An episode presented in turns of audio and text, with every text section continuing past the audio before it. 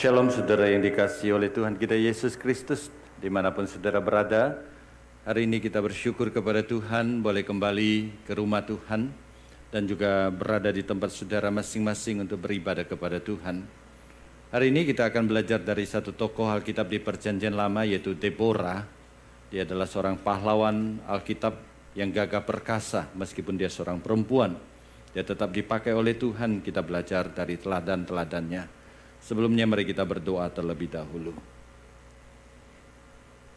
Bapa di surga kami mengucapkan syukur dan terima kasih karena Engkau sudah memimpin dan memberkati. Engkau sudah menolong kami sehingga kami boleh hadir bersama apakah secara fisik di dalam gedung gereja ataupun bersama dengan saudara kami di keluarga masing-masing di tempat kami masing-masing. Kami percaya urapanmu ada bersama dengan hambamu dan urapanmu juga ada bersama dengan saudara-saudari kami.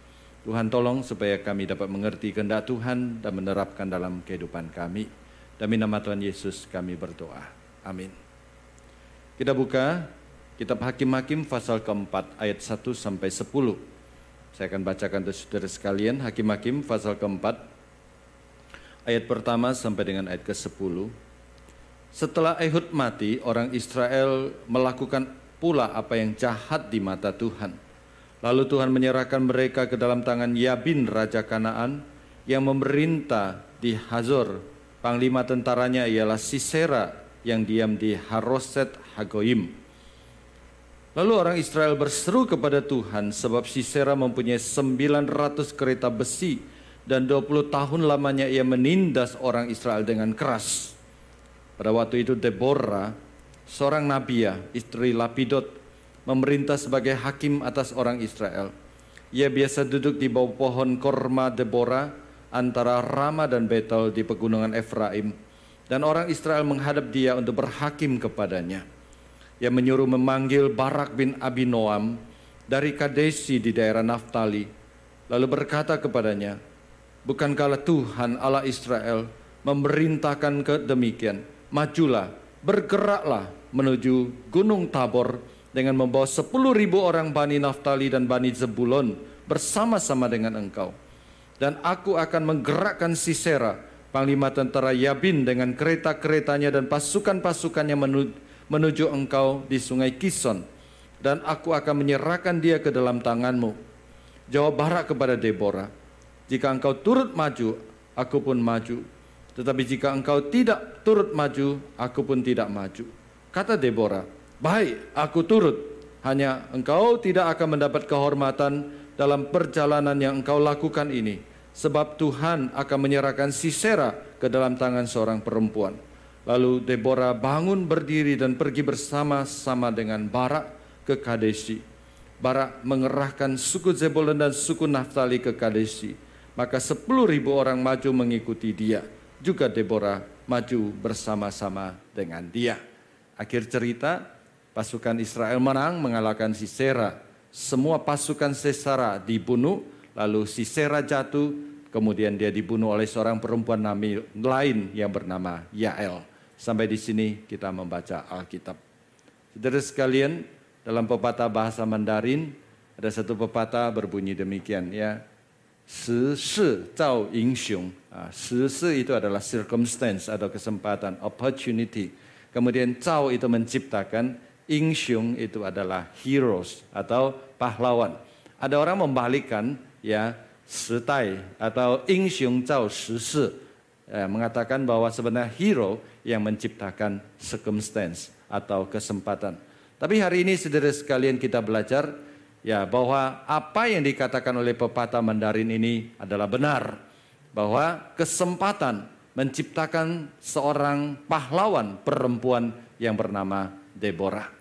Pada waktu itu kita lihat kondisi situasi Israel adalah situasi yang tidak baik. Mereka dihukum oleh Tuhan karena kehidupan mereka yang jahat.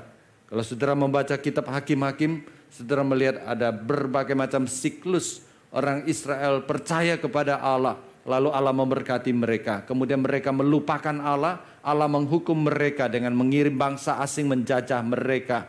Mereka menjadi bangsa jajahan, tanaman mereka itu direbut, Kemudian mereka hidup menderita selama berpuluh-puluh tahun. Lalu mereka berseru kepada Tuhan. Tuhan mengirimkan seorang pahlawan, seorang hakim memimpin mereka. Setelah mereka bebas, mereka diberkati Tuhan, mereka kembali kepada Tuhan. Tidak lama lagi mereka balik lagi menyembah kepada berhala. Itulah siklus yang terjadi di dalam kitab hakim-hakim. Dan itu juga sering merupakan siklus yang terjadi di dalam kehidupan kita. Seringkali tidak jarang Tuhan mengizinkan penderitaan menimpa kita. Itu adalah sebuah tanda awas, itu adalah sebuah peringatan yang sangat keras bahwa hidup kita sudah mulai melenceng dari kebenaran Tuhan. Dan setiap kali ketika kita hidup kita mengalami kesulitan, seharusnya kita bertanya, introspeksi, bagian hidup apa dari diri saya yang tidak berkenan kepada Tuhan dan apa yang harus saya perbaiki. Dan itulah kondisi yang dialami Israel pada waktu itu. Karena mereka berdosa kepada Tuhan, Tuhan mengirim seorang raja yang jahat, kemudian mengirim seorang panglima perang yang jahat yang bernama Sisera. Raja Kanaan memimpin Sisera. Sisera memiliki 900 kereta kuda. Dia menindas bangsa Israel dengan keras. Bukan satu tahun, bukan dua tahun, tapi dua puluh tahun. Saudara sekalian, 20 tahun dalam penderitaan itu tidak gampang. Ya kita semua tahu kita hidup di dalam kondisi yang sangat sulit seperti ini. Pandemi melanda kita cuma satu tahun lebih sedikit. Hidup kita itu sudah tidak nyaman saudara sekalian. Sebenarnya hidup kita itu tidak buruk-buruk amat. Kita masih bisa makan, kita masih bisa nonton televisi, nonton video, menikmati YouTube, menikmati hidup kita. Tapi kita sudah tidak merasa nyaman karena banyak bagian kehidupan kita dipotong oleh Tuhan. Banyak sekali kebebasan kita sudah tidak bisa kita lakukan. Apalagi bangsa Israel. Mereka dicaca, mereka ditindas secara fisik, mereka dianiaya dengan keras oleh Sisera. Secara batin mereka diolok-olok, dipermalukan. Mereka adalah umat pilihan Allah. Mereka sebenarnya bangga akan status mereka, tapi sekarang mereka menjadi bangsa yang tertindas. Oleh sebab itu saudara sekalian, Alkitab mengatakan bangsa Israel berseru kepada Allah. Itulah siklusnya saudara sekalian. Israel berdosa, Israel dihukum oleh Tuhan, Israel berseru kepada Allah dan Israel mendapatkan kelepasan dari Allah karena Allah kita adalah Allah yang setia. Ketika saudara membaca kitab Hakim-Hakim, Saudara tidak hanya membaca serunya cerita bangsa Israel. Tapi saudara membaca sebuah meta narasi, sebuah benang merah yang mau ditunjukkan oleh Alkitab. Bahwa Allah kita adalah Allah yang menguasai secara. Secara boleh terus berganti. Orang boleh hidup, boleh mati, boleh sukses, boleh gagal. Tapi yang berkuasa di atas itu adalah Allah kita. Yang kedua meta narasi yang Allah ingin ajarkan kepada kita bahwa Allah kita adalah Allah yang peduli kepada umatnya. Allah yang setia kepada perjanjiannya. Meskipun bangsa Israel tidak setia, bangsa Israel melupakan Tuhan. Setiap kali bangsa Israel merendahkan hati, berlutut di hadapan Tuhan, mengakui kesalahannya, Allah di dalam kesetiaannya mengampuni bangsa Israel, kemudian mengirimkan kelepasan kepada bangsa Israel. Saudara sekalian, biarlah ini juga menjadi bagian di dalam pribadi kehidupan kita. Kita tidak lebih baik daripada bangsa Israel. Siklus yang terjadi di dalam kitab hakim-hakim juga merupakan siklus kehidupan kita. Ada kalanya kita naik, ada kalanya kita turun. Ketika kita naik, sering kali kita melupakan Tuhan. Dan Tuhan mengirimkan duri-duri di dalam kehidupan kita. Pukulan-pukulan yang berat di dalam kehidupan kita. Dan setiap kali ketika kita merasa hidup kita jauh dari Tuhan, tidak berkenan kepada Tuhan. Saat itulah seharusnya kita berseru kepada Tuhan. Tuhan di dalam kesetiaannya akan mengampuni dan melepaskan kita. Saudara sekalian dalam kondisi seperti itulah Deborah lahir, Deborah hidup, Deborah dipanggil, Deborah dipakai oleh Tuhan. Saudara sekalian, mengapa Deborah menjadi pahlawan? Itu pertanyaan yang lebih penting. Apa yang membuat Deborah menjadi seorang pahlawan? Ada dua rahasia. Yang pertama, ia memahami kehendak Allah. Ia adalah seorang nabiah dan seorang hakim.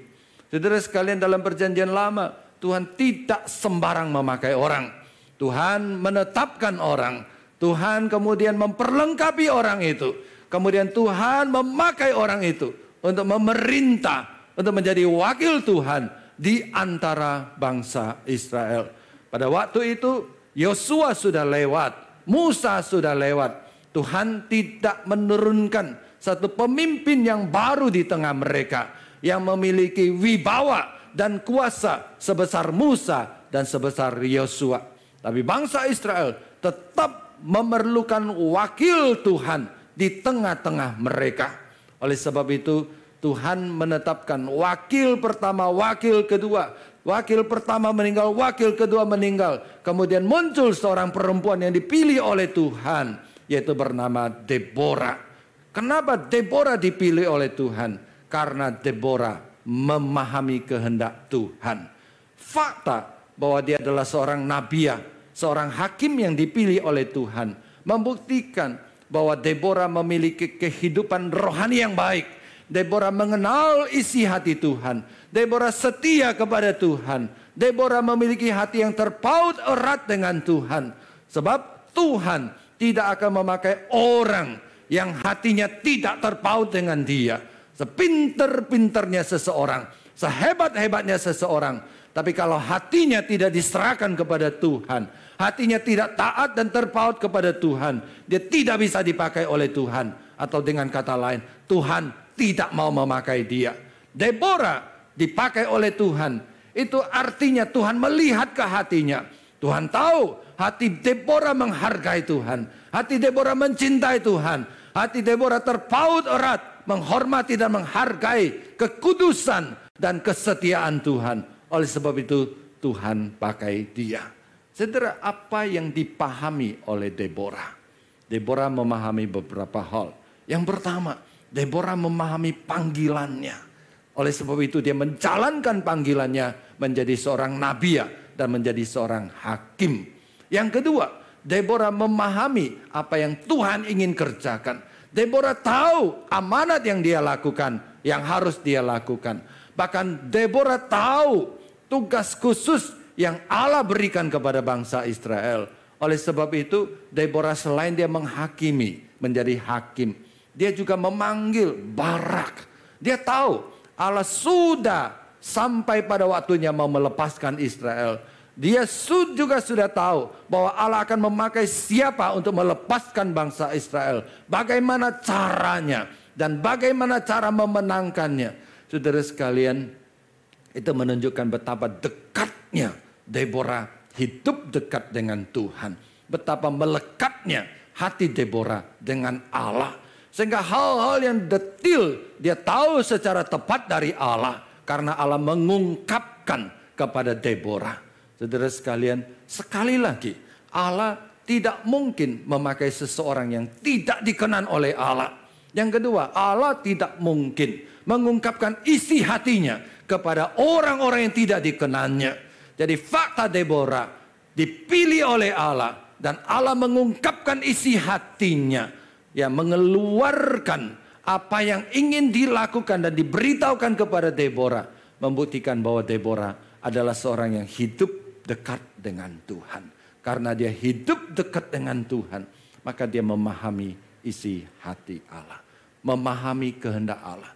Itulah unsur pertama yang harus dimiliki seseorang untuk menjadi seorang pahlawan.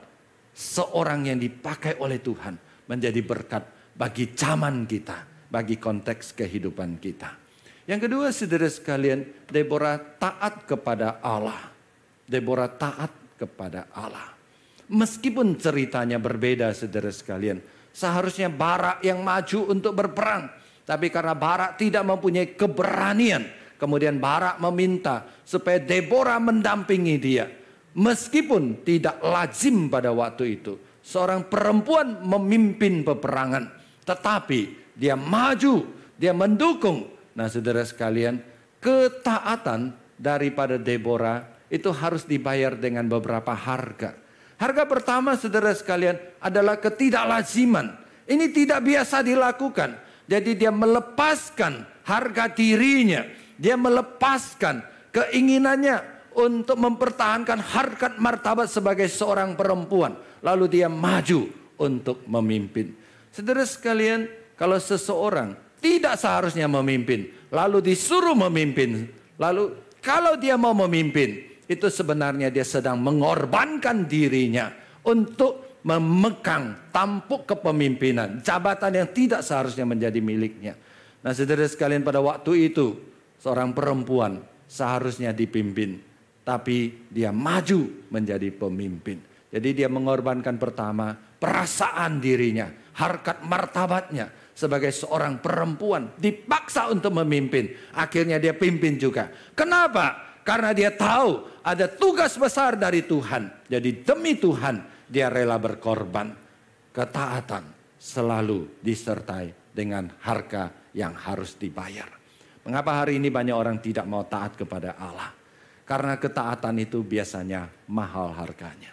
Ketaatan artinya kita harus mengekang hal-hal tertentu yang kita sukai. Ketaatan artinya banyak sekali hal-hal di dalam diri kita yang menjadi kesayangan kita itu harus dipotong ada hal yang ingin kita lakukan tidak boleh dilakukan. Justru ada hal yang tidak ingin kita lakukan, kita harus lakukan. Dan itulah harga sebuah ketaatan untuk menjadi seorang pahlawan. Deborah, dia memahami kehendak Tuhan. Setelah dia pahami kehendak Tuhan, dia taat kepada kehendak Tuhan. Yang pertama, dia mengorbankan perasaannya sebagai seorang perempuan untuk dipaksa menjadi pemimpin. Yang kedua, apa yang dikorbankan oleh Deborah. Deborah kalau dia maju berperang, maka itu berarti dia sudah siap mempersembahkan nyawanya untuk Tuhan. Saudara sekalian kalau mau berperang, ya harus siap mengorbankan diri.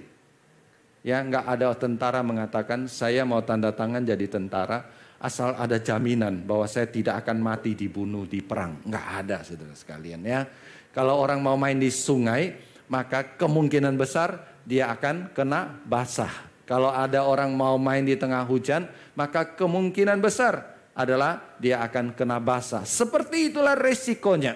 Apakah Deborah tidak tahu? Kalau dia maju berperang, dia akan mati dibunuh. Dia tahu saudara sekalian.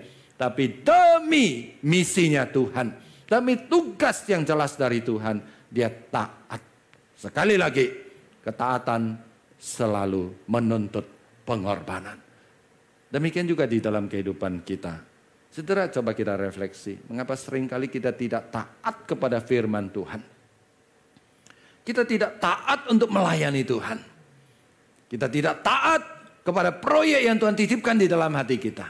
Seringkali itu terpaut terkait dengan ketidakrelaan kita untuk melepaskan hal-hal tertentu yang kita sayangi yang harus kita buang kalau kita taat kepada Tuhan dan hal-hal tertentu yang harus kita pikul yang menjadi beban kita yang tidak kita sukai karena kita taat kepada itu. Jadi ada hal yang dikurangi, justru itu yang kita sayang.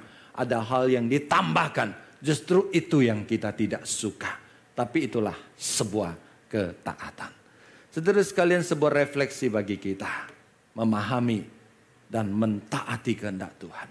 Itulah syarat bagi kita untuk menjadi pahlawan di dalam kehidupan kita di tengah zaman ini.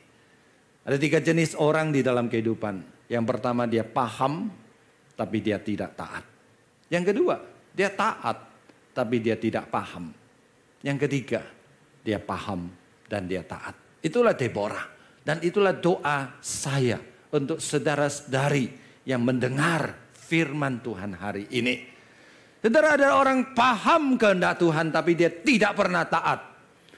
Dia adalah seorang ibarat seorang tukang panah, pemanah yang punya panah yang luar biasa canggih dan dia menguasai panah yang luar biasa. Teknik panahnya bagus, tepat, tetapi dia tidak pernah memanahkan anak panahnya. Anak panah, anak panahnya hanya jadi pajangan. Ilmu memanahnya hanya menjadi pengetahuan. Dia tidak pernah memegang busurnya, dia tidak pernah menarik anak panahnya, dan dia tidak pernah melepaskan anak panahnya. Tapi anak panahnya, busurnya itu terbuat dari bahan yang paling bagus dan pengetahuannya, keahliannya adalah nomor satu. Ini percuma saudara sekalian. Hari ini banyak orang mengerti firman Tuhan. Berbicara tentang doktrin, berbicara tentang teori, berbicara tentang teologi. Luar biasa, hebat sekali. Tapi tidak pernah memiliki kesaksian di dalam kehidupannya. Tidak pernah menghasilkan buah yang nyata di dalam pelayanan, di dalam kehidupannya. Karena dia hanya belajar firman Tuhan, doktrin, teori, teologi untuk memuaskan pemahamannya. Yang kedua, banyak orang taat melakukan pelayanan, aktif tapi tidak paham. Ini juga berbahaya. Sama seperti seorang punya anak panah, punya busur, lalu dia tidak ahli memanah. Dia sembarang panah saudara sekalian. Bisa melukai siapa pun juga. Bahkan melukai dirinya sendiri. Saudara saya hargai. Banyak orang suka melayani. Banyak orang waktu baru percaya kepada Tuhan. Berkobar-kobar mau melayani ini melayani itu. Tapi bahayanya kalau dia didik, tidak dididik dengan pengetahuan doktrin teologi yang benar. Tidak dididik dengan motivasi pengalaman yang cukup berbahaya saudara sekalian. Orang-orang seperti ini bisa melukai orang lain, bisa melukai orang yang dia layani, bisa juga cepat putus asa, cepat menyerah. Saudara sekalian, kita perlu jadi jenis orang ketiga. Kita tidak hanya mengisi otak kita, tapi kita juga mengisi hati kita, kita mengisi tangan kita, sehingga ketika kita memiliki skill, memiliki pengetahuan, hati kita juga berkobar-kobar untuk melayani Tuhan.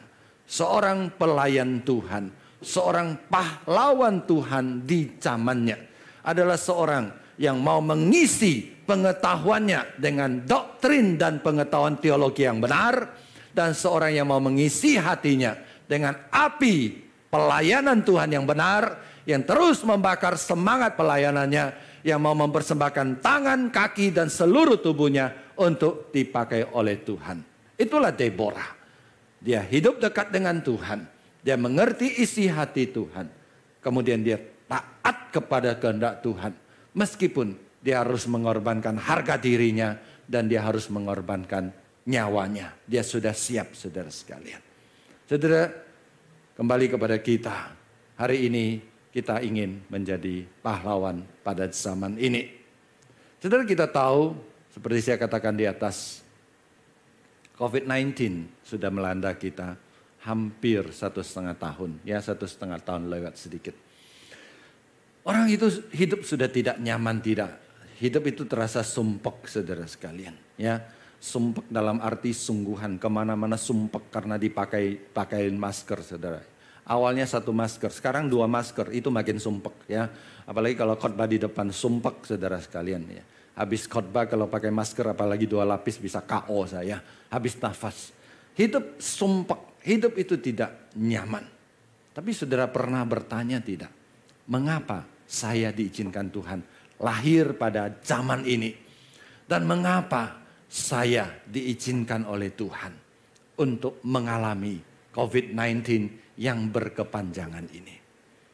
Seorang yang tidak cinta Tuhan, seorang yang tidak mengerti statusnya, dia mungkin akan mempertanyakan kebaikan Tuhan. Dia mungkin akan bersungut-sungut dan mengomel terhadap segala kesulitan yang dia hadapi.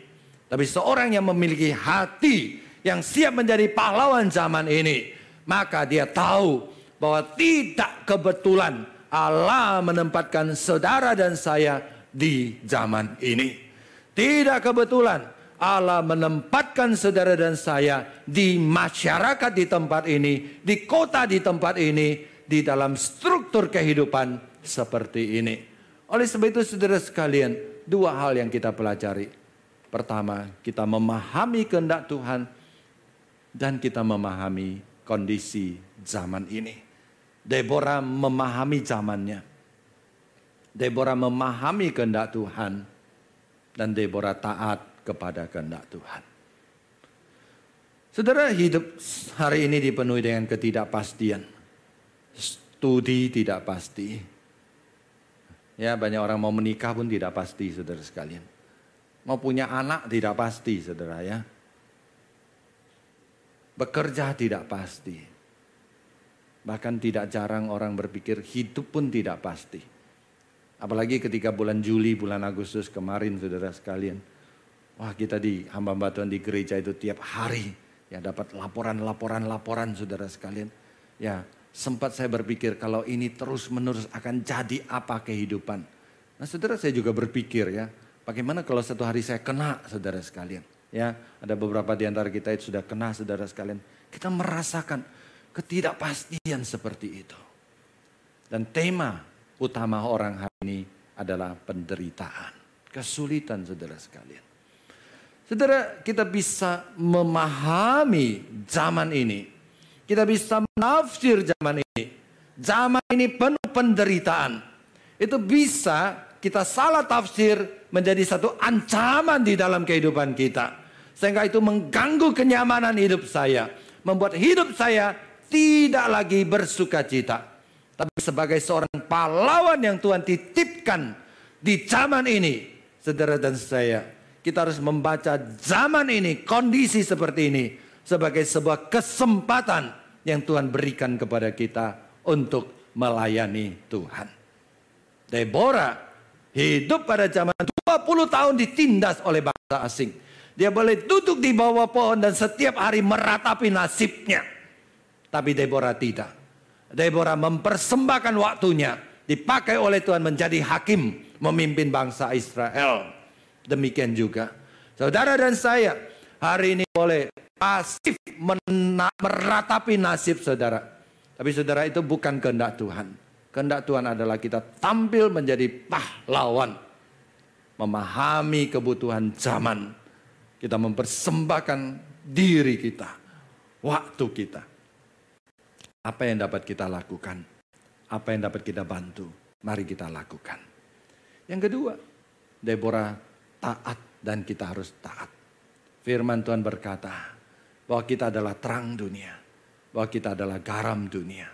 Terang dan garam di dalam dunia ini harus bersifat aktif masuk ke dalam dunia, menolong mereka yang hidup di dalam kegelapan dan menolong mereka yang hidup seperti sayur yang tidak berasin yang kehidupannya hambar.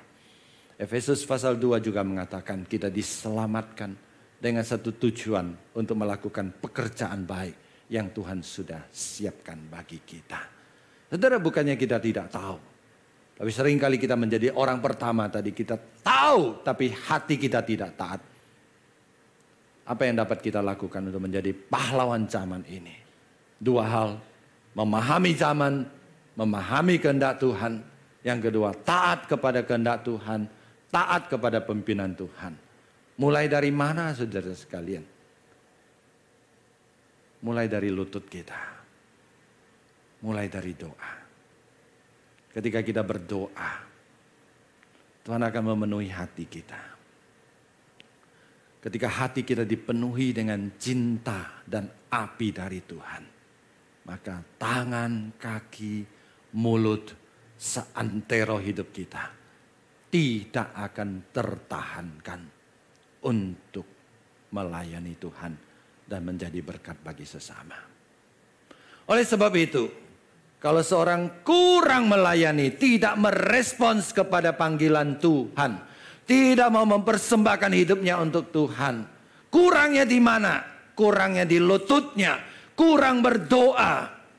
Orang yang rajin berdoa, yang banyak mendoakan dirinya, yang banyak mendoakan pelayanannya, zamannya, Tuhan tidak mungkin tidak akan memenuhi hatinya dengan api.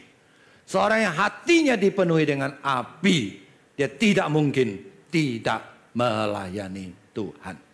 Tidak mungkin tidak menjadi pahlawan bagi zamannya. Saudara sekalian, kalau kita mau mulai menjadi pahlawan yang sungguh-sungguh di hadapan Tuhan, hidup dekat dengan Tuhan banyak mengandalkan lutut kita berdoa. Supaya kita memiliki modal api yang cukup di dalam hati. kita baru bisa melayani dengan benar dan dengan efektif. Tuhan memberkati kita. Mari kita berdoa. Seperti Deborah engkau panggil menjadi pahlawan di zamannya. Kami percaya hari ini Tuhan memanggil kami menjadi pahlawan di zaman ini. Tuhan ampuni kami kalau kami selama ini kami lebih banyak berteori dan tidak taat. Itu karena kami kurang berdoa. Kurang berdoa untuk pelayanan, untuk gereja, untuk dunia. Sehingga hati kami tidak cukup api dari Tuhan untuk membakar, untuk menggerakkan kami, mempersembahkan yang terbaik untuk melayani Tuhan. Tuhan sebentar kami akan mengenang kasih Yesus Kristus yang mati bagi kami di kayu salib lewat perjamuan kudus.